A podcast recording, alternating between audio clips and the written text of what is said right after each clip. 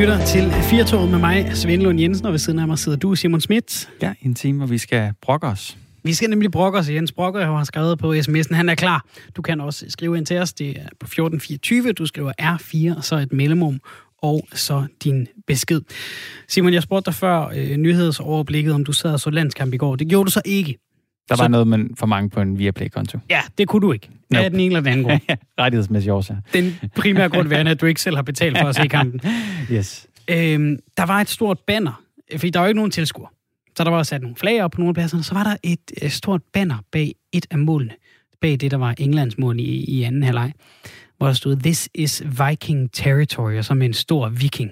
Vi har jo også haft øh, Holger Danske ind over logoet på, på nogle af de der hummeldragter på et tidspunkt, og, og så videre.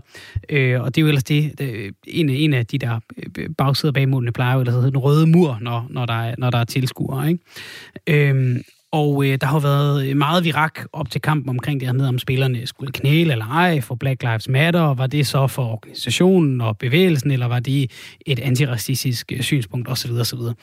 Og jeg så det der This is Viking Territory øh, banner og tænkte, det var lige godt friskt at øh, hænge det op, når vi spiller mod England, ikke? Ja. Fordi hvis der var nogen, vikingerne var onde ved, Jeg skal lige så sige, der er en historisk kontekst. der er en historisk kontekst, og vi skal jo langt tilbage. mm.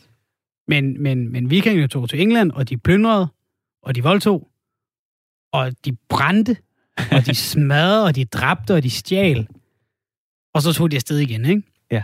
Og jeg tænkte bare, det var da ikke, det var da ikke en sådan særlig... Jeg er med på, man må godt ligesom have lidt gamesmanship og sådan og, og, og drille hinanden lidt. Jeg synes, det var, det var lidt et hårdt banner at hænge op, når man nu skulle spille mod England, og I ellers ja. øh, gerne vil, vil, vil have så meget forbrødring før kampen, ikke? Spændende, om nogen i DBU's kommunikationsafdeling har, Ja, har de tænkt over Har det, de- det måske? har de diskuteret det. Ja. Måske er det bare, det er bare viking. Så jeg satte mig for at prøve at finde ud af, om der var nogen britter, der følte sig krænket over det. Og jeg, øh, jeg tænkte, det må der næsten være, ikke? Fik du Fordi- fat i nogen? Jamen, det gjorde jeg da. Øhm, fordi jeg, jeg, tænkte, jeg tænkte, vi er... Mange kalder det jo en, en, en krænkelseskultur, ikke en krænkelsestid. Det er så let at føle sig krænket. Her tænkte jeg, det må der være nogen, der... øh, Det må falde nogen for brystet, det her. Så jeg ringede til øh, Whitley Lodge Snooker Sportsbar, der ligger i øh, Northumbria. Det er oppe i nordøst-England. Det ligger sådan, lidt- sådan lidt skråt, skråt op fra, fra Newcastle. Så det Yes. der, der, er mange, der var mange vikinger, det der, man kan se faktisk i, i det sprog, de taler, der er ret meget sådan, altså, øh, der er ret mange rester af dansk, ikke? Jeg, jeg fik fat i en deroppe, og så prøvede man se landskamp. Ja, det havde han. Han havde set det der banner. Ja. Nå, men det, der stod Viking Territory. Var det noget, han ligesom blev offended by?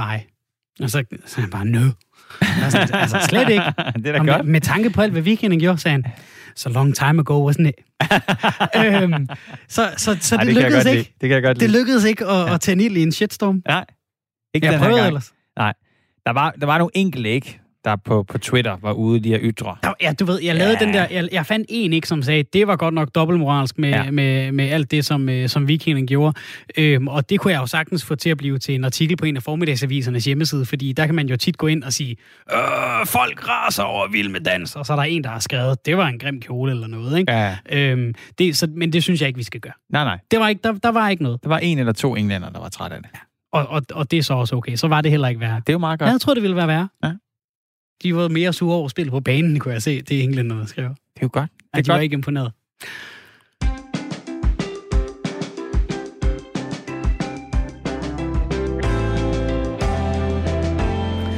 Vi nævnte det kort inden uh, nyhedsoverblikket. Keeping Up with the Kardashians stopper. Det er en uh, reality-serie fra USA, som uh, handler om Kardashian-familien. Du kender måske Kim, du kender måske Courtney, du kender måske uh, forældrene. Uh, Kendall.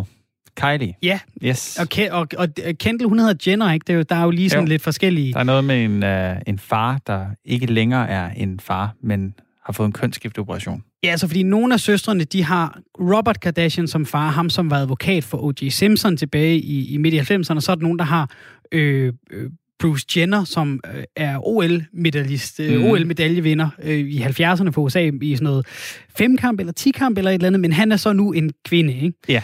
Øhm, så det er en hund. øhm, og det er derfor, de har lidt forskellige efternavne. Men det er altså nogen, som har lagt deres øh, liv til skue de sidste mange år på øh, tv-skærmen, og de er altså blevet nogle af verdens allerstørste kendiser på det. For når den nye sæson af Keeping Up with the Kardashians ruller over skærmen næste år, så sættes der samtidig punktum for et stykke tv-historie. Serien, der har underholdt øh, millioner af reality-fans med, øh, med Kardashian-klans ekstravagante liv, stopper nemlig efter, øh, efter 14 år. Og øh, programmet har taget en øh, familie og forhandlet, forvandlet dem til et øh, kæmpestort brand- og forretningsimperium. Men hvad er det, der er øh, lige præcis særligt ved netop det her program og det aftryk, den her familie har øh, sat i, øh, i verden?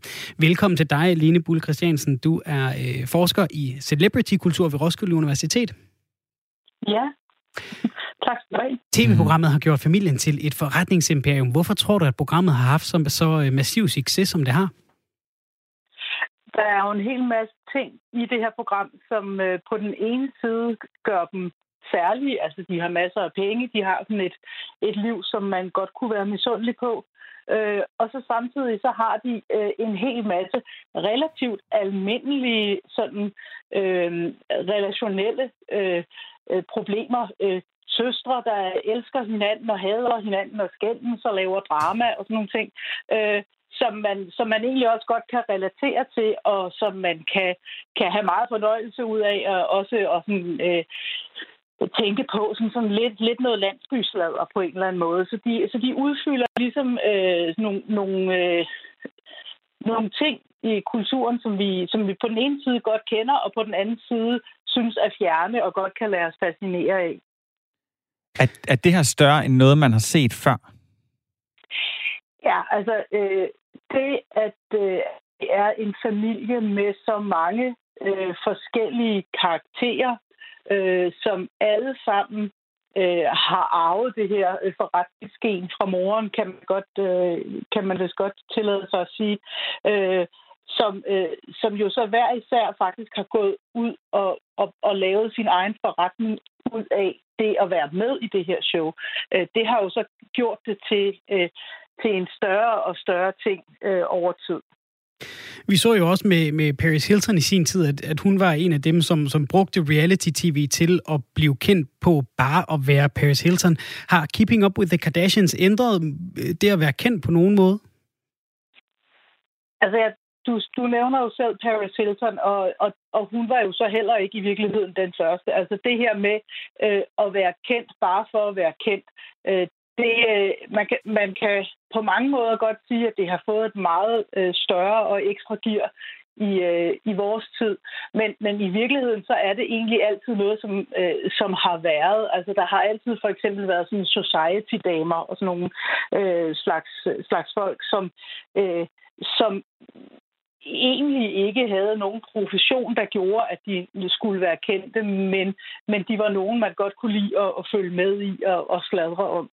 Øh, men selvfølgelig så har både tv-mediet og øh, de sociale medier, øh, som Kardashian-familien jo også excellerer i, øh, gjort, at det kan have en meget større udbredelse, og at de jo også har kunnet virkelig øh, få en kæmpe stor effekt ud af det i forhold til de forretningsting, øh, som de så hver især laver. Ikke?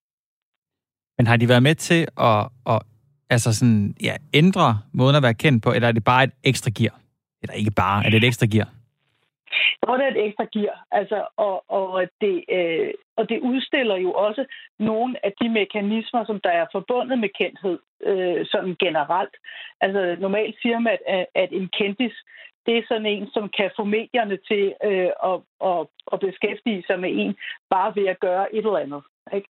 Øh, og normalt så tænker man jo, men altså, øh, jeg er interesseret i Michael Laudrup, øh, fordi at han er en dygtig øh, fodboldspiller, og, og så er han så blevet kendt på den baggrund. Og hvis han så gør et eller andet andet, så er det også interessant, fordi han, han er kendt for at kunne noget.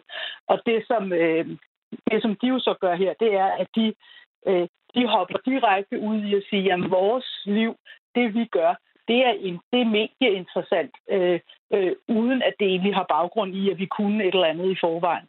Øh, og, og det er som sagt ikke en helt ny, et helt nyt fænomen, men det er helt klart noget, som, øh, som har gjort det her med at være kendtis til, en, øh, øh, til noget, som man har jo kunne se øh, kan være en god forretning. Øh, og også også noget, som man øh, ikke på samme måde, hvad hedder det, øh, ser op til øh, længere. Altså, øh, der er jo selvfølgelig masser, der med god grund har set op til Michael Laudrup, men det er, det, er lidt, øh, det er lidt anderledes i forhold til, hvorfor skal man egentlig se op til Kim Kardashian. Ikke? Kim Kardashian og hendes søskende, de er jo ekstremt eksponeret på, på sociale medier, og især Instagram er en stor del af hele deres forretningsimperium. Øh, Kim Kardashian kan i dag få helt op til 300.000 dollars for et enkelt Instagram-post. Øh, er den her måde at tjene penge på, er det noget, der ligesom er, er kommet med den her familie? Nej, altså, det, det er jo del af en, en meget større bølge, kan man sige, øh, på, på Instagram. Og noget af, af det her med at kunne kunne tjene penge på at, at promovere et eller andet øh, på Instagram. Det er i virkeligheden øh, noget, som øh, er kommet en lille smule nedefra. Altså, øh, hvor folk simpelthen har været trætte af almindelige slags reklamer, og derfor er gået i gang med at, at følge øh, forskellige Instagrammer og folk, som måske også havde en modeblog eller sådan noget. Det, det, det er den vej, det er startet med de her influencers. Og så er det selvfølgelig sådan, at hvis man har nogen, som har utroligt mange følgere, og som øh, i forvejen har et meget genkendeligt brand, jamen så, øh, så bliver de til sådan nogle super influencers. Men, men, ja, men, men det er egentlig ikke, øh, det er ikke dem, der har startet øh, den måde at lave reklame på, kan man sige. De har måske bare været ekstra gode til at udnytte tiden, vi så lever i. Ja, det har de været meget, meget dygtige til. Øh, og, øh, og også jo, øh, hvad hedder det, været dygtige til at, at, at selv tage styring omkring det. Altså, øh, øh, øh den, den, øh, den, den yngste øh, Jenner, Kylie Jenner, øh, den lille søsteren i familien, øh, hun, hun har jo simpelthen lavet sit eget øh, make-up brand, som hun så selv promoverer både på YouTube og på Instagram og, og alle mulige andre platforme. Øh, og, og, og på den måde, øh, i stedet for bare at låne sin Instagram til nogen, som hun laver reklame for, så laver hun faktisk reklame for sit helt eget produkt. Ikke? Må jeg lige spørge, fordi nu, nu har vi talt om noget af, hvad kan man sige, det som Kardashian-familien har vundet på at, at blive så eksponeret og, og være med i det her program, hvor de har haft kameraer med sig meget af tiden. Men, men, men hvad har omkostningerne været? Fordi man har jo ofte set, øh, nu vil de ikke, øh, nu, vil de, nu snakker den ene søster ikke med den anden søster, eller nu snakker de ikke med moren, og, og bevares noget, det kan også være at spille for galleriet for at kunne klippe en god trailer til den nye sæson og, og skabe noget opmærksomhed på den måde. Men der er jo også flere af deres kærester, som, som har haft det lidt svært med, med at, at være så eksponeret. Ikke? Altså, hvad har omkostningerne været for dem, øh, hvis vi kan sige noget om det, altså ved at være så, så eksponeret? Altså, jeg tror, øh, alle, alle, der har været kendte eller, eller er øh, kendte, øh, ved, at det har nogle øh, sociale omkostninger, fordi at alting bliver ligesom kørt op i et helt andet gear, øh, end hvis det bare var mig, der havde en, en lille skamyssel med min søster. Øh, og, og, og på den måde, så har de jo også skulle være i stand til at på den ene side håndtere konflikter, men på den anden side har de jo også brugt konflikterne som noget, der fødte ind i showet, som noget, der gav, gav drama i showet. Og så kan man godt spekulere i, hvor meget af det har været scriptet, og hvor meget af det har været planlagt, og hvor meget af det har været reelle problematikker. Men altså, øh, hvad hedder det, der er, jo, øh, der er jo en hel del af dem, der har været igennem nogle traumatiske ting, som øh, skilsmisser og sådan nogle ting. Og det er jo ikke, øh, altså alle andre mennesker bliver jo også skilt, så man kan jo ikke sige, at det kun er, fordi de har været kendte, men det har selvfølgelig været et element i det. Ikke? Øhm, tilbage i 2015, der var jeg i, øhm, i Los Angeles, hvor jeg var på et, øh, et museum, der havde mig, og så øh, lige pludselig så kommer, øh, så kan jeg se en horde af menneske, øh, mennesker komme gående, øh, og det viser så, at det er Kim Kardashian øh, og Kanye West sammen med deres øh, datter, som jeg tror hedder Northwest, øh, og, og der øh, oplever jeg bare, at sådan, en, en eller anden magnetisme, hvor der er så mange mennesker, der følger efter dem, og de nyder, det ligner også lidt, de nyder faktisk, at folk tager billeder af dem. Og jeg bliver, mm. føler mig også selv lidt draget, og så fanger jeg mig selv i sådan, hey, du, du er ikke særlig glad for Kanye West og hans musik egentlig, og du aner faktisk ikke engang, hvad Kim Kardashian er, er, er kendt for. øh, men øh, jeg kunne egentlig godt tænke mig at høre, hvorfor vi sådan generelt har et behov for at følge med i, hvad der sker i, i kendte menneskers, øh, menneskers liv. Altså, det er en, øh, det er sådan en øh, mærkværdig øh, selvforstærkende øh, mekanisme, øh, hvor man øh, som har at gøre med, at de her menneskers liv, dem har man adgang til igennem medierne. Øh, og det vil sige, at man ved godt, at det billede, man har af dem, øh, det er redigeret og medieret på alle mulige måder. Så man ved godt, øh, at, at man jo ikke kender den her person i virkeligheden. Øh, og derfor så kan man godt have sådan en underliggende sådan nysgerrighed på, hvordan er det i virkeligheden. Ikke? Øh, og, og, det, og det kan sådan i virkeligheden øh, være med til at generere endnu mere medieopmærksomhed på dem, fordi at der, der hele tiden er det der øh, bevægelse imod at, at prøve på at komme, komme om bag ved det der medierede billede, øh, som, som man ser. Øh, og, og, og der kan man sige, at den her reality-genre jo øh, er rigtig god til at, at lege med det, ikke? fordi at vi, vi har jo ideen om, at vi får lov til at være med som fluen på væggen øh, hjemme i køkkenet, velvidende, at det er scriptet og alle de her ting. Men, men, men, men det leger ligesom øh, med det her øh, forhold, at man, at man bliver nysgerrig, man får sådan lyst til at finde ud af, hvad er der bag på facaden, ikke? Jeppe har skrevet ind, er, øh, han skriver, er pågældende serie ikke en kvindeting? Er der mænd, der øh, ser sådan en serie? Det kan du måske ikke svare på sådan helt øh, firkantet, men, men, øh, men har, det, har serien øh, og Kardashian-klanen øh, bred appel på den måde i forhold til, til, til, til kønnene? Altså, øh, jeg tror lige præcis, Kardashian-serien øh, er, øh, i, i, har i høj grad rettet sig imod kvinder. Det er, altså, der er jo også et flertal af, af, af kvindelige figurer, ikke? Og, de, øh, og de har jo også øh, været... Øh, så specifikt rettet sig imod for eksempel det her med make-up og tøj og alle sådan nogle ting. Ikke? Øh, så på den måde så, så er det direkte rettet imod kvinder. Der er sikkert også mænd, der sidder og ser det, fordi de synes, at de er flotte, eller fordi at de synes, at de kan godt lide at hade kigge øh, kvinder, der slås, eller sådan noget. Ikke?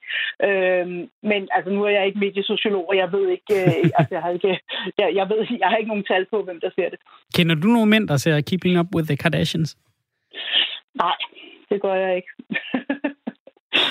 Er der noget, hvad kan man sige, er der, er der et sted, hvor de er fejlet, Kardashian-familien? Altså har de, har de formået at få nok ud af den her, øh, den her omtale, at de er jo selvfølgelig ikke færdige med deres, hverken deres liv eller deres karriere endnu, men, men, men kunne de have brugt det her momentum til noget andet end at sælge kosmetik og øh, lave sponsoreret Instagram-opslag? Altså, de kunne jo have gjort alt muligt med det. Øhm, det har ikke rigtig været deres øh, hensigt en sjælden gang imellem har de forsøgt at hoppe lidt på, med på bølgen af det her med, med, med kendte, som laver en eller anden form for velgørenhed. Øh, de forsøgte at lave en lille smule rundt om øh, øh, Katrina, dengang at der var den her øh, store fodbølge i New Orleans. Men, men det er ikke rigtig noget, som hverken har bidt på deres publikum, eller som de egentlig selv har virket specielt engageret i. Så altså, jeg tror, man kan sige, at de har opnået det, de gerne vil i den bane, som de selv øh, har lagt ud. Ikke? Tusind tak til dig, Lene Bull Christiansen, forsker i Celebrity Kultur ved Roskilde Universitet. Velkommen. Og vores reporter Jonas Markusen talte tidligere i dag med Elisa Lykke. Hun er manager og PR-agent for en lang, række, en lang række kendte mennesker her i Danmark, og hun bevæger sig altså øh, rigtig meget inden for øh, øh, den kulørte kendisverden og interesserer sig rigtig meget for den verden. Og hun har de seneste år fulgt intenst med i Keeping Up with the Kardashians. Vi spurgte hende, hvordan hun har modtaget nyheden om, at øh, serien siger farvel. Elisa Lykke, Keeping Up The Kardashians stopper altså nu efter 14 år. Så først så vil jeg gerne spørge dig, er det her en sovens dag for dig?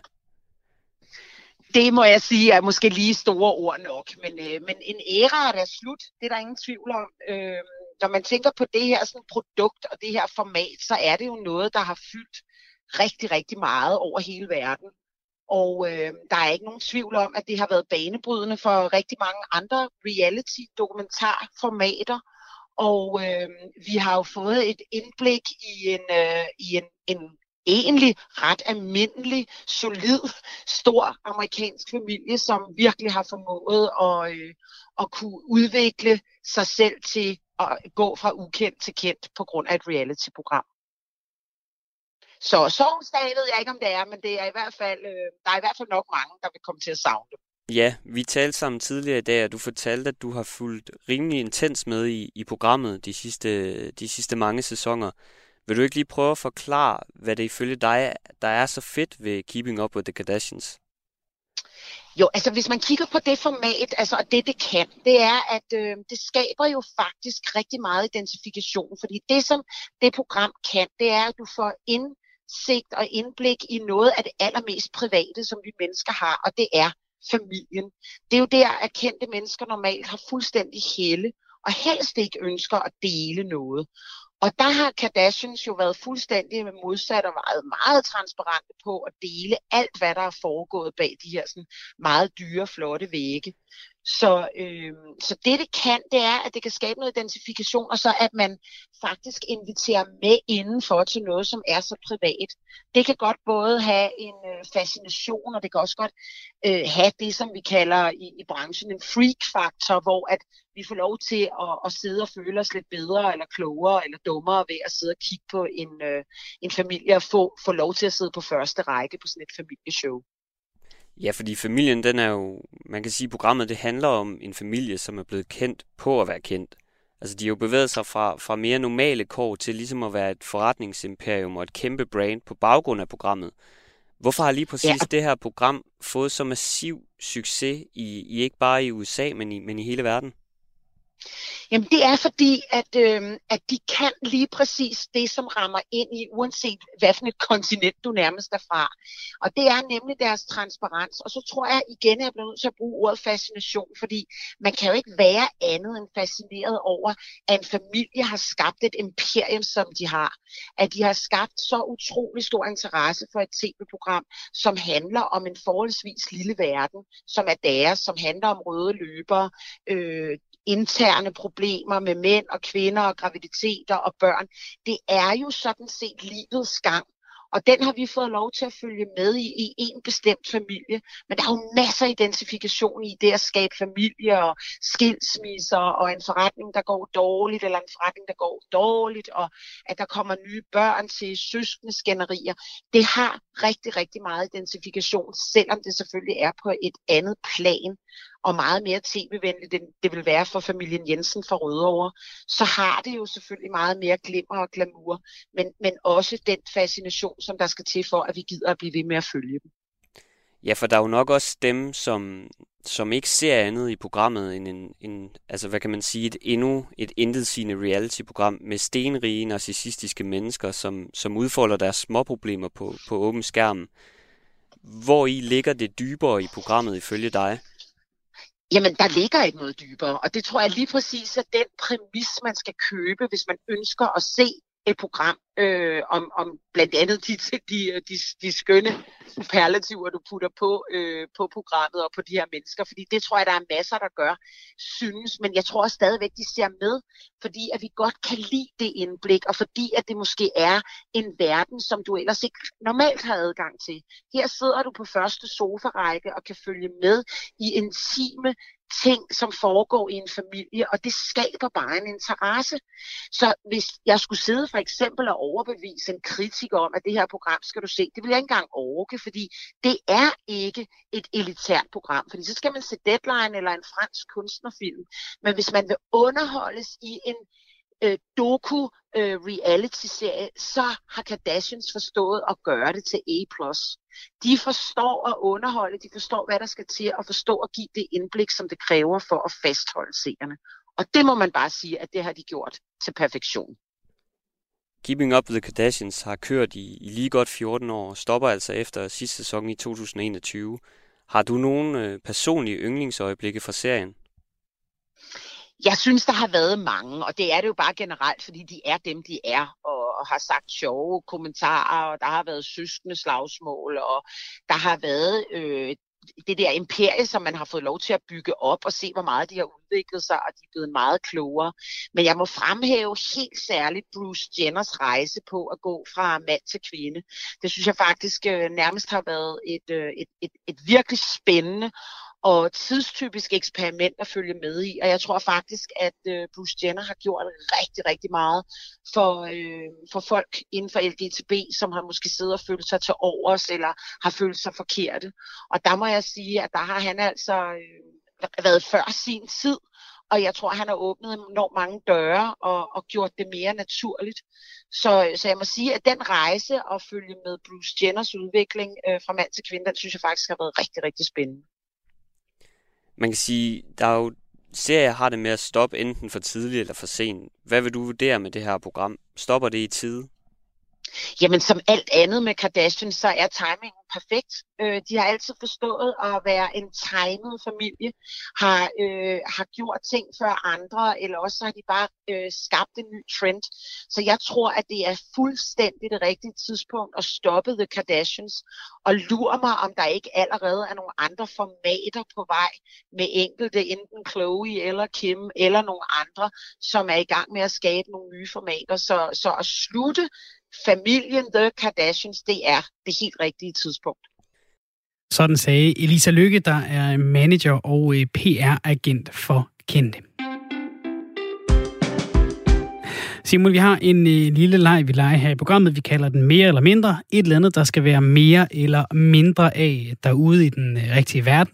Hvad har du øh, hævet op af posen til os i dag? Ja, det er spændende. Mm. Øhm, jeg, jeg må indrømme, at øh, nu, der er kommet, nu i dag er der kommet den her første afsnit af serien øh, De Hemmelige Optagelser med ja. Peter Madsen, ja. som uh, Discovery Networks Danmark står bag. Ja.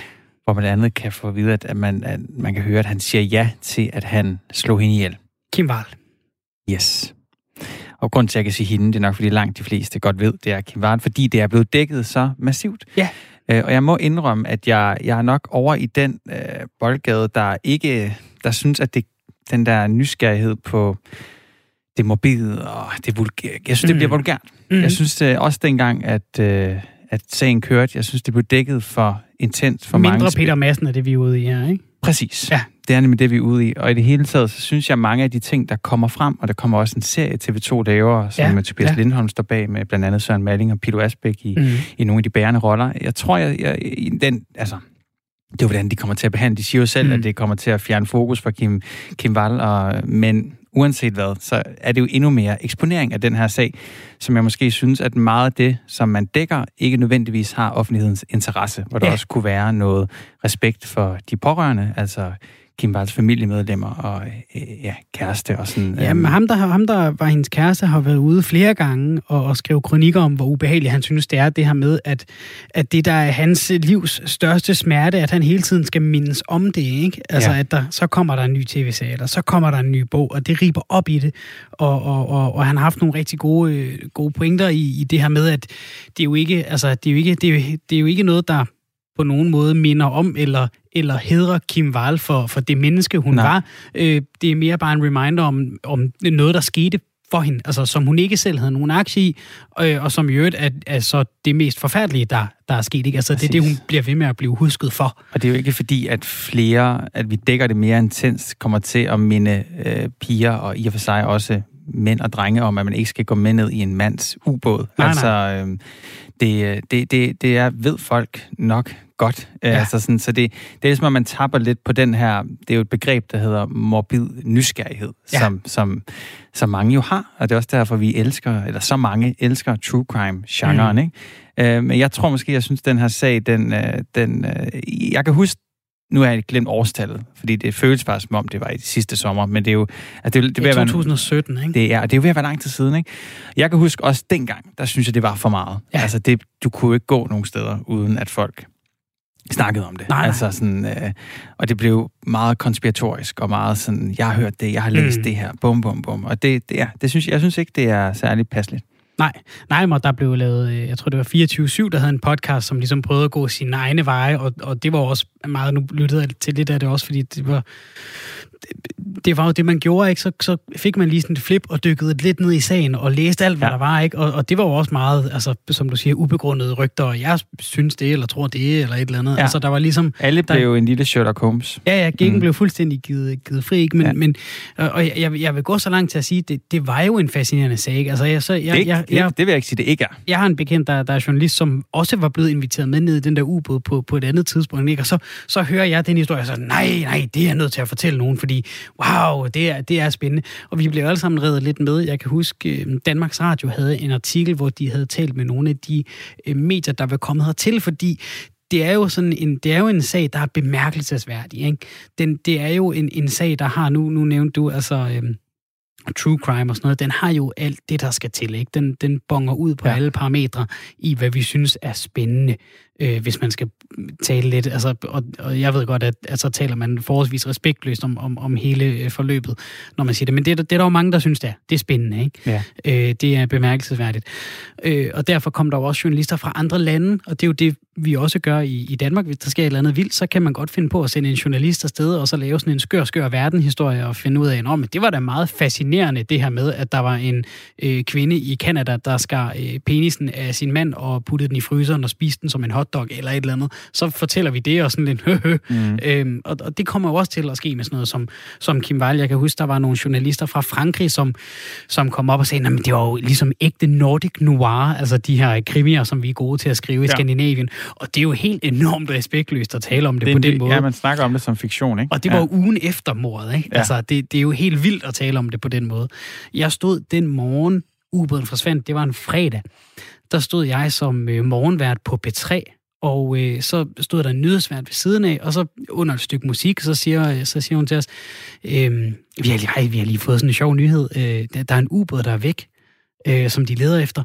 Og, og jeg, har, jeg har mange gange, øh, og det er, jo, det er jo sådan helt personligt, jeg, jeg er den mest måske ligegyldige person i, i Kim Wall-sagen, men været enormt glad for, at den ikke kom en time før, fordi så havde vi der stået, øh, øh, skriv ind, hvad er det største, du har smidt væk, som du ikke kunne finde? Ja. Der er en ubåd, der er væk. Ja. Øhm, og det, det tror jeg bare, det ville jeg have haft det enormt dårligt med, når vi så ved, hvad der skete senere, at, at, at man havde stået og gjort sig lystig på, øh, på, øh, på nogens bekostning i, mm. i lige præcis den sag. Ikke? Øh, så det, jeg kan fuldstændig banke op om, om din, øh, din øh, mindre af det. Ikke? Også fordi, nu, nu læste jeg også lige en artikel om den her dokumentar, og der er også en, en, en, psykolog, en psykolog, der udtaler sig, og det der jo er Peter Massens problem er, at han jo er decideret psykopat, narcissist. Mm. Han, han taler kun om sig selv. Det handler kun om Peter Massen. Øh, han, han tager jo stadigvæk ikke, selvom han indrømmer, at det er ham, der har slået Kim Wall ihjel, så tager han jo stadigvæk ikke ansvar for det, der er sket. Han lægger det igen over på hende og siger, hun prikkede til noget. Hun trådte på en landmine, tror jeg, han, han siger. Ikke? Altså, øhm, og det er det der med, jamen, behøver, behøver vi simpelthen høre fra ham? Behøver vi høre mere fra ham? Nej, altså der er jo nogle, øh, tænker jeg, nogle øh, folk, der, der beskæftiger sig med, hvordan man sætter sig ind i øh, psykopater eller massemorders, altså sådan deres tankegang. Ja. Det var der en, der sagde i dag på, på vores kontor. Altså det giver jo mening, at ja. de skal vide, altså have vide, hvad han har sagt og mm. analysere mm. på ham. Men det synes jeg ikke, vi bare andre behøver. Jeg kunne se, øh, journalisten Christian Lindemann, der har lavet øh, programmet, han sagde også, han håbede så i det mindste, at, øh, at det, at Peter Madsen siger det her, det måske kunne give Kim Walls forældre noget, noget ro i sjælen på en eller anden måde. Det kan man, det kan man jo håbe, at, at det så er det, der, at det, det, der kommer ud af det. Jeg er ikke sikker på, at jeg har behov for at høre fra Peter Lundin og Peter Madsen, og hvad de ellers hedder. Det, det, det synes jeg ikke, de har fortjent, faktisk. Mm-hmm. Så derfor lukker vi den her. Ja, mindre, ikke? Mm, mindre, det synes jeg er vigtigt. Mindre, ja. Det, er, det, var, det var en god en, Simon. Jeg har en, som jeg så godt vil have lidt, uh, lidt mere af. Jeg kunne godt tænke mig sådan lidt mere omtanke, når vi uh, åbner vores Instagram og Facebook. Jeg har talt om det en lille bitte smule før her i programmet. Og det, det, vi skal lidt ind i en sportshistorie igen, fordi Novak Djokovic, ham der er, jeg tror han stadig er verdensetter i tennis, han blev simpelthen smidt ud af US Open i tennis, fordi han i frustration skød en tennisbold, altså han skød den ligesom væk, og så ramte den en af de her linjedommere i, øh, mm. øh, på halsen og i nakken. Ja. Og hun, øh, hun synker ligesom sammen og, øh, og har slået sig og bliver tjekket til, og han bliver så ret hurtigt, altså dommeren gør kort proces, smider mod turneringen. Du mister alle øh, de point, du har optjent i turneringen, du mister de præmiepenge, du har tjent, farvel med dig. Og, og, og, og det er noget... Øh, der er så blevet delt et video af, af et pressemøde for nogle år siden, hvor, hvor Djokovic bliver spurgt til, om han har et problem med, med, sit, med sit temperament, og han siger, øh, jeg har da ikke noget problem. Hvis og hvis min røv er spids, det kunne også sne i dag. Hvorfor snakker du om det her? Der er jo ikke sket noget endnu. Og nu er der så sket noget, ikke? Altså, han har ramt en. Øhm, hun er så øh, øh, okay igen, ikke? Men hun, hun sang ligesom sammen. Og der er så nogen, der synes, at hun altså, har spillet på det, ikke? Altså, fordi, åh, hvor ondt kan det gøre at blive ramt af en tennisbold? Øhm, og der, der er simpelthen nogen, hun hedder Laura Clark, hende her øh, linjedom. Hun er amerikaner, hun er en voksen kvinde. Og, og, og der er folk, der simpelthen, øh, så har de jo så fundet hendes Instagram, folk, der holder med Novak Djokovic, og har skrevet altså, de mest afskyelige ting til hende. Der er en, der har lavet en eller anden kommentar, det er Ekstrabladet, der har skrevet om det. Der er en, der har lagt en kommentar om, at hun har haft en søn, der døde i et motorcykeluheld i 2008, og så er der en, der skriver, ah, ha, ha, yes, du kommer lige bagefter, og, og sådan noget, og folk anklager hende for at være syg og alkoholiker, og det er vildt, du kan drikke så meget, meget, og, og, og, og så bliver du så, øh, øh så øh, bliver du så hårdt ramt bare en lille tennisbold og sådan noget. Så har Novak Djokovic været ude og, og sige øh, til alle sine, øh, alle sine fans, tak for støtten og de opmuntrende beskeder husk lige, at hende her ikke har gjort noget galt og så videre. Altså, tag dog ordentligt afstand, når folk skriver nogle afskyelige ting til et menneske, som du har gjort fortræd med din tennisbold. Altså, og det, det er det der med, jeg synes simpelthen ikke, det er i orden, og, og, og at, at vi hele tiden skal lede efter nogen at skælde ud på, når, når, når, når, vi, når vi åbner vores uh, Facebook, vores Instagram, fordi hende her, den her stakkels tennisdommer, hun har sit drømmejob, hun elsker bare at være uh, tennisdommer, og så bliver hun ramt af en bold, og så skal hun lægges for had. Det er ikke i orden. Det er da overhovedet ikke i orden. Jeg har slet ikke hørt den her historie. Nej. Det er idiotisk. Det er helt nyt for dig. Ja, det er helt nyt. Ja, det er, må, du har ret, det er helt ja. idiotisk. Ja, ikke? det er virkelig idiotisk. Nå. Og, og fair nok, så må man jo gerne holde med Novak Djokovic. Jeg, jeg har talt om det her før i forbindelse med, med fodboldspillere, ikke? fordi så øh, har AGF købt en eller anden fra OB, og så går folk også ind og skriver Rotte og Judas øh, under billeder af hans kæreste, og så var det Kamil Vilcek, der engang har spillet i Brøndby og nu skal spille i FCK, og så går folk ind og skriver alt muligt Judas, og, ja. og, og altså, øh, vi havde jo også en minister, der kom ja. for skade. Og, Tænk på, og, hvis det var sådan i advokatbranchen, for eksempel. Ja, ja, præcis. altså, hvis man skiftede til en konkurrerende. Åh, oh, du skal til Brun Bæk, og det er brun, fordi det er lort. Øh. Altså, det, det, det, findes, jo, det findes nok privat, ikke? Men sådan, det, kan, det gør man jo ikke. Så går Nej. man ind og siger tillykke med jobbet, ikke? Ja, præcis. Altså, der er der også nogle, nogle øh, FC Midtjylland-fans, der har fået øh, lang ulvesnude, efter de fik skrevet nogle grimme ting til Pione sidste år, og så skiftede han til Midtjylland alligevel, ikke? Ja. Altså, det skal, slettes, det skal slettes fra. Lad nu være. Også fordi jeg kan se meget af tiden, så er det sådan nogle, altså, så er det sådan nogle drenge på 16, som bare skriver, øh, lortehoved, ja. Judas rotte. Lad nu være. altså, alle I voksne, I skal lade være med at gøre det. I skal lade være med at lære jeres børn at gøre det. Tal mm. ordentligt til folk. Også dem, I er uenige med, eller dem, I ikke holder med. Så går det hele lidt bedre, tror jeg. Ja, det er godt, du lige kunne brokke dig der. Jamen, det er det. Vi er så gode til at øh, brokke os her i øh, Danmark. Er Danmark et øh, brokkeland? Ja, det vil nogen måske mene, for vi brokker os over det dårlige vejr, som vi har her i Norden. Og så brokker vi os også, når det bliver for varmt. Og nu har det danske herrelandshold fået en ny landstræner, Kasper Julemand, der har spillet sine første to kampe. Og nu brokker vi os over den nye spillestil og resultaterne og den øh, sejrstime, som øh, Åke Harreide havde, som nu er ødelagt. Velkommen til øh, dig, vores øh, næste gæst, Storm Stensgaard. Du er forfatter og stressrådgiver. Tak for det. Du har skrevet en bog om brok. Den hedder Brok, om at håndtere dårlige ting på en god måde. Hvordan gør man det? Ja. ja, men man, øh, man trækker brokken frem i lyset, og, og så kigger man lidt på den. Man er lidt nysgerrig og lidt humoristisk over for den. Brok er en meget speciel størrelse, som, øh, som, som typisk øh, stjæler vores tid og vores energi, og hvor vi, vi spilder, spilder en del på den brok. Og øhm, når dårlige ting sker, så er kunsten ligesom, ifølge min... Øh, i min teori, det er at undgå at betale for meget brokskat. Og brokskat, det er det ekstra, vi betaler, øh, når der er noget, vi ikke kan lide. Så, har, så er der en mindste pris, men brokskatten, det er den tid og den opmærksomhed, den slitage på dit nervesystem, det er den måde, du bliver frastødende over for andre mennesker, og det er selvfølgelig, ja, den opmærksomhed, du ikke bruger på at være glad eller dygtig eller et eller andet andet. Så kunsten er simpelthen ikke at, at lade brokken koste for meget. Og så selvfølgelig komme af med sin brok på en god måde, hvis man skal det. Og det er også en kunst. Og Storm... Og, øh, ja, undskyld. Fortsæt. Ja, og, og, og, det, og det har jeg nogle brugtyper om. Jamen, jeg holder også foredrag om det her emne, så jeg kan sådan set nemt, jeg kan nemt uh, snakke, snakke fra nu af det der. Altså, der er nogle gode måder at komme af med brokken på, og så er der mange, mange dårlige måder, øh, som, som typisk bare er, er, er, er dyrt tidsspil og irriterende. Ja, og inden, og Storm, inden vi dykker ned i din, uh, din bog igen, så uh, kan vi lige zoome lidt ud. Altså sådan helt generelt, at Danmark ja. et brokkeland. Ja, det er vi faktisk. Det er en meget, meget, meget spændende ting, det med Brokkeland. Øh, ja, der, der var en, en, en, en kvinde med indvandrerbaggrund, som, øh, som sagde, da hun havde hørt mine foredrag, så sagde hun, det er mærkeligt, for jeg troede, danskerne var så lykkelige, fordi de brokkede sig så meget. Og så sagde jeg til hende, det er med sikkerhed ikke sandt, men jeg var så nysgerrig på det, hun sagde, og jeg gik hjem og tænkte over det i flere uger, og så fandt jeg ud af, at den sandhed, der var i det, hun sagde, det var, at vi er lykkelige, fordi vi har muligheden for at brokke os. Vi vil gerne have muligheden for at kritisere ting, og vi vil gerne have en forholdsvis lav magtdistance. Øh, og det er så utrolig vigtigt for os, fordi det har en del med vores frihed at gøre. Øhm, så hvis vi ikke har mulighed for at kritisere ting, så mister vi tilliden til folk. Og tilliden er jo det helt altafgørende i forhold til social kapital og i forhold til evnen til at samarbejde og sådan noget. Så det er super, super vigtigt for os som folk og identitet og alt det der, at vi kan, at vi kan kritisere noget. Problemet er så bare, at, brok, at forskellen mellem brok og kritik, den er tit hårfin. Og hvornår er det det ene og det andet? Så vi bliver ikke glade af at brokke os. Det bliver vi med sikkerhed ikke glade af. Men vi bliver glade af at have muligheden for at brokke os. Og den frihed skal vi have. Det er så bare en frihed, vi skal anvende ansvarligt, så vi ikke bruger den til at brokke os. Fordi vi har jo ikke tillid til dem, der brokker sig. Vi har, og det, er, det, det, er jo det er ret kompliceret, men det er en meget, meget spændende ting, at vi er nødt til at have plads til brokken for at have plads til kritikken. For vi skal jo kunne kritisere ting. Nogle ting er jo ikke i orden. Det, det er ikke godt nok, det der, og så videre. Det har jeg en bedre løsning til. Det er jo måden, vi helt vi udvikler os på som mennesker og fungerer på. Men hvis vi så misbruger den frihed til at brokke os, så er det et problem. Og hvornår er det så brokker, hvornår er det, hvornår er det kritik? Jamen, brokken for mig at se, det er følelsesladet. Det er der, hvor vi kommer til at sige de forkerte ting på den forkerte måde til de forkerte mennesker, til folk, der ikke kan gøre noget ved det. Hvorimod kritik, det er meget vanskelig kunst. Det handler om at sige de rigtige ting på den rigtige måde til de rigtige mennesker, og hvor vi har en eller anden forestilling om, at der kan komme et ønsket resultat ud af det. Så altid hver gang vi siger noget negativt, så skal vi lige tage testen. Er det brok eller kritik? Øh, får du sagt det til de rigtige, og så videre, og så videre.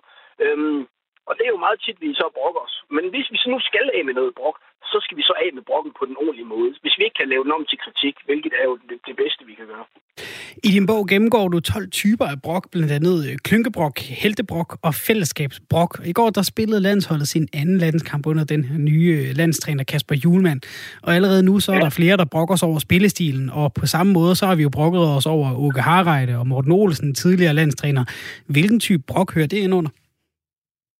Jamen, det er jo noget blandet noget. Mine typer, det kan man sige, det er rene former, ligesom man har nogle rene farver, og så er det hele, det bliver sådan noget blandet noget, ikke? Men det er jo klart, at, at man, hvis man prøver på på en eller anden måde at få folk til at høre den kritik, man har, så kan man, altså, det kan jo godt være en form for kritik, hvis man har noget, skal vi sige, savligt i den, man prøver at få hen til det rigtige. Men typisk er det jo brok, fordi at du bare går og brokker dig til nogen, der ikke kan gøre noget ved det, og du går du bare og spilder tid med det, og så videre så vil det jo, det, jo være, det vil være en blanding af bebrejdelsesbrok. Typisk er det bagbrok, fordi det foregår bag folks ryg. Du siger det ikke til de rigtige mennesker. Det kan også være en, det kan også være en opmærksomhedsbrok. Du vil gerne bare have opmærksomhed, så du siger bare noget for at få opmærksomhed.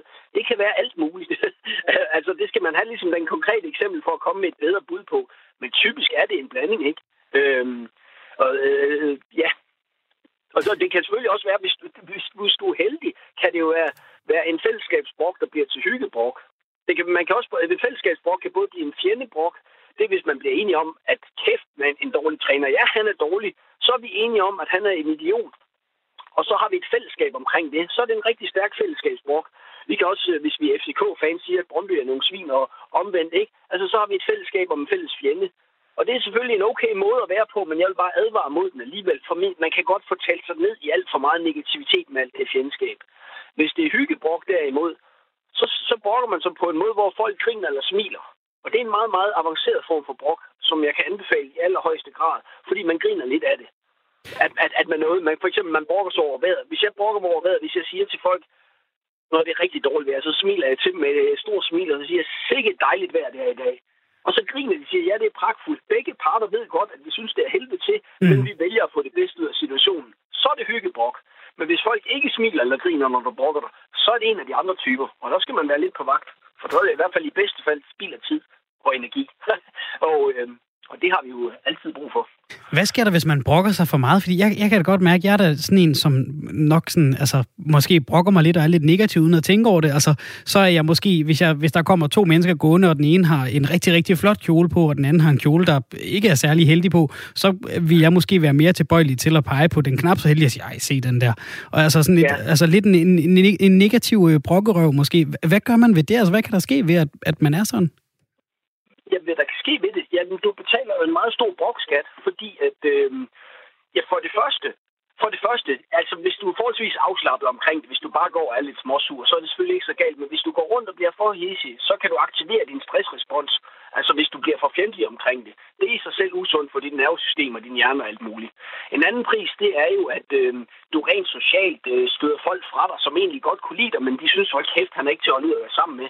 Ja. Så, kan det, så, så kan det være din familie og dine venner og din kæreste, og folk tænker, ham overgår jeg ikke. Du kan også underminere din egen troværdighed. Så når du går og brokker dig hele tiden, når du så endelig har noget at sige, der er vigtigt, så tænker folk, det gider vi sgu ikke at høre på. Men du havde faktisk noget rigtig vigtigt at sige, men så har du ødelagt din egen mulighed for at sige det, ligesom drengen, der råbte ulve, ikke? fordi du har øh, mistet din troværdighed. Vi har nemlig ikke tillid til folk, der brokker sig. Fordi dem, der brokker sig, de er i deres følelsesvold. Og det er ikke særlig troværdigt. Så der er en masse pris, og så, så selvfølgelig den helt store pris. Du betaler jo med dit nærvær din opmærksomhed. Så mens du brokker dig, mens du brokker over dem med den kjole på, du kan ikke synes noget er godt, imens brokken er en tyv, den stjæler det hele. Du kan ikke være glad, du kan ikke øh, få en god idé, du kan ikke være nysgerrig, du kan ikke være charmerende, du kan ikke opleve det, der er godt, du kan ikke være dygtig, eller hvad ved jeg. Så den, den er sådan, det er noget af en tyvknægt, den brok der. Så der kan ske rigtig, rigtig mange ting, og typisk ikke nogle ret gode ting. Øh, men det er noget, du, man også typisk ikke rigtig opdager. Det er jo det, der... Brokken, brokken er ikke en røver. Det er en tyv. Den, den vil helst lige snuppe det fra dig, uden du opdager det. Sådan bare, gør, gør det lidt irriterende. Lidt, lidt smerte, lidt øv. øhm, så det skal vi selvfølgelig have, have ud i lyset. Um, og det kan den ikke lide. Det kan den ikke lide, nej. Uh, Storm... Den kan øh, lige at komme ud i lyset. Den kan lide, at jeg brokker mig lidt, og så bliver du lidt sur, og så brokker du til nogle andre, men vi er ikke helt klar over, hvad fanden det er, der foregår. Det er lidt som en virus, der helst ikke vil opdages. Vi kan, virussprog kan vi bruge lige nu rigtig godt, ikke? Ja, det den kan vi nemlig. Den vil ikke ud have afstand mellem os. Den vil ikke have, at du kigger på den og snakker om den. Den vil gerne have, at du brokker dig over andres brok, fordi så er du fast i, så er du med i brokgiften.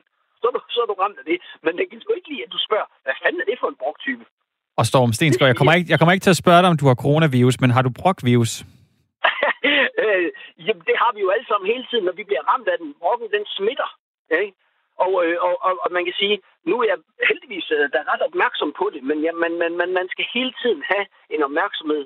Når jeg brokker mig derhjemme, så min hustru, hun spørger mig så, hvilken broktype er det, og så stopper jeg op, og så bliver jeg sådan lidt afgiftet. Fordi nysgerrighed er et middel. Det, er, det er et anti det er et antiseptisk, det er et antibrokvirusmiddel, ligesom med humor er det. Brokken kan ikke lide at blive undersøgt af nysgerrighed, og den kan heller ikke lide at blive grint af. Så, så, så lige nu har jeg ikke brugt virus, fordi jeg er i uh, godt humør. Jeg har lige holdt et, uh, et godt foredrag, og jeg snakker med dig. Så, det, uh, så du kan næsten ja. ikke ramme mig med noget brok lige nu. men, men, men Storm, Storm, hvis så Svende på et uh, redaktionsmøde brokker sig rigtig meget, så, den, så min vaccine mod hans brok, det vil så være nysgerrighed over for brokken. Så kunne jeg måske hjælpe ham på den måde. Er det sådan, det skal forstås? Det kunne være et rigtig godt udgangspunkt, ikke? Det er, at du, du undersøger, hvad er det for en brok? Hvor kommer den fra? Hvor skal den hen? Har Svende gang i en bebrejdelsesbrok? Synes han, du er en stor idiot? Prøver han at lave en fællesskabsbrok med dig, der bare er lidt klodset? Prøver han at få dig til at grine? Har han gang i en afreaktionsbrok? Har han haft en dårlig oplevelse og blevet skældt ud af konen? Han prøver på at afreagere med. Du kan godt se, at mens du er nysgerrig på, hvor kommer hans brok egentlig fra, så kan du ikke blive ramt. Og så kan du ikke selv blive sur og ked af det. Du stopper tiden. Du er tidens mester. Og det er det brok. Brok er en form for vold. Brok en form for vold, og den vold går altid hurtigt, så du gerne, det, det du gerne vil have, det er, at du trækker tiden ud af den, så den ikke smitter. Den vil gerne ind hurtigt og smitte dig, så du kommer i lidt dårlig humør og føler dig ramt af det, og tænker sikkert en idiot og øv, og hvad ved jeg. I stedet for, så trækker du tiden, og så, og så spørger du lidt ind til den, og tænker ved dig selv, kan vide, hvad det er for noget, ikke? Øhm, nu er det jo også noget med angrebets og hårdhed, ikke? Nogle gange skal man forsvare sig lidt hårdere, men ja, generelt vil du kunne komme rigtig, rigtig langt med nysgerrighed. Ikke? Og, og, og, og simpelthen bare at sige, jamen, øh, det er da et godt spørgsmål, eller det kan du måske have ret i, og du så har nogle standardsvar til brok, så du ikke, øh, så du ikke sådan lige bliver ramt så hurtigt, og så kan du så spørge lidt ind til det. Kan du blive træt af nogle gange, kan du blive træt af nogle gange, Storm Stensgaard, at du øh, så har skrevet en manual til, at din øh, kone kan tage brøden af alt dit brok, og så bare øh, kalde dig på den og sige, hvad er det for en type brok? Og så kan du ikke rigtig stille noget op, fordi så er du nødt til at prøve at forklare, hvad det er for en type brok, du er ude i. Ja, jamen, det er jo fantastisk sjovt, ikke? Men jeg bliver altid stoppet i det, og det er jo godt nok for mig, fordi at jeg bliver så stoppet i min brok. Jeg har gang i et brok, øh, i, et brok ud, øhm, øh, angreb, ikke? Øh, den, den, er virus aktiv med min brok. Og så kan jeg så for eksempel sige, ej, men det er egentlig kritik, fordi nu skal du høre sådan og sådan. Og så kan der komme noget konstruktivt ud af det. Eller også så kan jeg sige, ej, okay, det var sgu lidt klynkebrok, ikke? Det kan man godt have en tendens til. Og så stopper man sig selv. Og det er også en sejr. Det er en sejr ikke at fremture. Som, som, som, som, øh, som Cicero sagde, det er menneskeligt at fejle, men det er skændigt at fremture i sin fejl. Og hvis hun siger, hvad er det for en broktype, så bliver jeg stoppet i at fremture. Det er jo trods alt, det er trods alt noget, kan man sige. Ikke? Så jeg, jeg, synes, jeg synes kun, det er godt, at, øh, at det er sådan, selvom det skal selvfølgelig være lidt irriterende i starten. Ikke? Fordi nogle gange er der, der er noget brok, man også skal, hvor man skal af med, og det er det, jeg kalder afreaktionsbrok. Og den må vi heller lige nå at få med. Fordi afreaktionsbrok, det er jo, hvis du er udsat for et eller andet dårligt, og så skal du have luft for det. Ikke? Og så skal du afreagere på nogen. Og kunsten er så at du bringer noget sandhed ind i billedet. Det vil sige, at du finder, får noget ærlighed og laver noget forventningsafstemning. Så siger jeg, Simon, jeg har simpelthen haft en dårlig dag. Ham, ham Svende, han har skældt ud på mig. Jeg er simpelthen så træt af det. Er det okay, at jeg lige afreagerer på dig? Så siger du, okay, du kommer bare. Og så tæsker jeg løs med den store brokhammer på dig, men du bliver ikke ramt. Hvorfor gør du ikke det? Fordi vi har afstemt det, og du ved, at du gør mig en tjeneste. Du kan se, at der er en meget stor forskel på, om ja. du ved det, i stedet for at jeg bare læser af på dig. Øhm, altså, det er meget sjovt. Det, du har prøvet, ja. Så det er et eks- blive slået i maven, ikke også? Mm. Så det er et eksempel på, hvor du undskyld, så det er et eksempel på, hvor at brokken ligesom bliver konstruktivt og måske gavnende lige frem. Ja. Mm. Jamen, øh, det kan den jo være, hvis du har gang i en heltebrok, hvor din frihed, sandhed og retfærdighed på en eller anden måde er presset. Ja. Og den brok, den, øh, selvom du har fuldstændig ret i det, og du har gang i noget vigtigt, ikke fordi du bliver tvunget, eller... Der Vil du lige forklare, hvad heltebrok er? Ja, heltebrok, jamen det kobler sig på det, jeg kalder den heroiske trekant. Og det er jo en lang historie, noget jeg har, har forsket meget i min egen teori om, at frihed, sandhed og retfærdighed, det er opskriften på en held.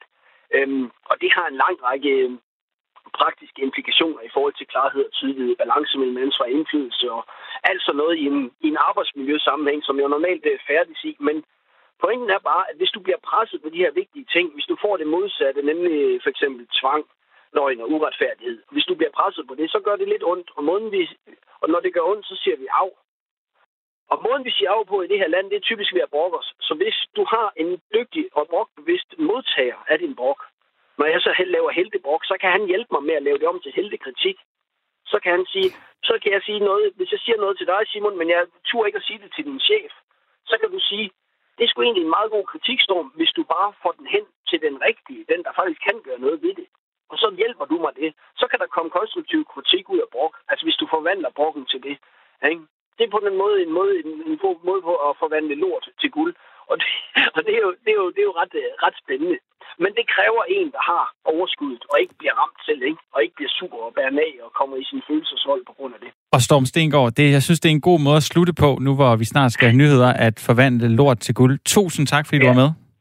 Jamen selv tak. Ha' det godt, ikke? I lige måde. Hej. Hej. Og så fik vi rundet både øh, frihed, sandhed og retfærdighed, og øh, vi skal også øh, nå at runde agtighed, fordi øh, når jeg kigger på det, så betyder det, at øh, dagens program snart er færdigt. Det var Storm Stensgaard, der er stressrådgiver og forfatter til bogen Brok om at håndtere dårlige ting på en god måde, vi lige øh, talte med. Tusind tak for i dag. Vi er øh, tilbage igen i morgen. Husk, at du kan lytte til det her program og andre på radio4.dk eller i øh, vores app, eller i den podcast-app, du bruger. Du kan også øh, øh, lytte med i morgen. Tusind tak for alle jeres sms'er. Det er en fornøjelse at høre fra jer derude. Vi er øh, tilbage igen i morgen. Mit navn er øh, Svend Lund Jensen. Ved siden af mig har du øh, siddet Simon Schmidt. Husk at blive hængende. Der er masser af gode programmer. Der kommer kreds om et øjeblik. Tak for i dag. Om lidt kommer der et nyhedsoverblik.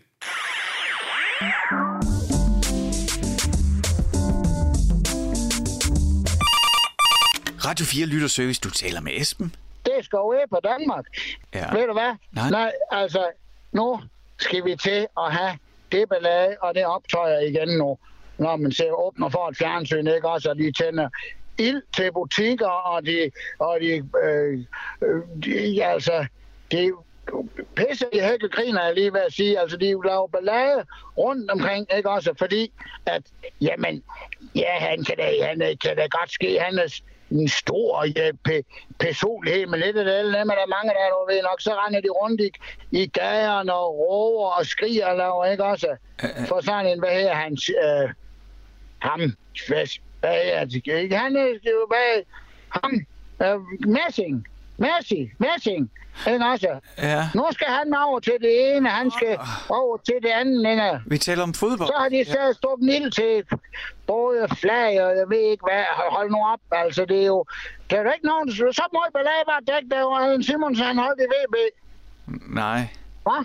Kan du huske det? Nej, det... det Han holdt, han, jeg kan ikke huske, om han overhovedet holdt dernede, men... ja, Vejle Boldklub, Allan Simonsen. ja. Ja, Kan du huske? Hvad, kan du huske, kan lige, lige hallo? Med, øh, hvad hedder det, Johnny Reimer. Ja, jo, jo. Det var, det var nogle gode år, du. Ja, Ikke? jo. Men, men nu er det som om, at det hele tiden er fodbold, og hele tiden er sport. Og man skal se på det hele tiden. I gamle dage, der var der kun, der var der kun sport hver fjerde år. Ja, Vinter-OL, sommer-OL, øhm, og så var der landstævne, Det var det i Horsens et år også, skal jeg huske. Ja. Nej, det siger mig ikke en ski alt det fodbold. Nej, okay. Det var bare det. Hvorfor skal der være så meget belage med det? Øh, Nej, det, nej, det kan jeg ikke uh, lige give svar på. Hvorfor? Hvorfor skal det være? Var ikke i gamle lav, var det ikke sådan noget. Der var de bare, er man bare glad for, hvis man så speedway. Esben, jeg kan ikke, jeg bliver nødt til at lægge på. Jamen, du, jeg håber, du får det bedre. Ja,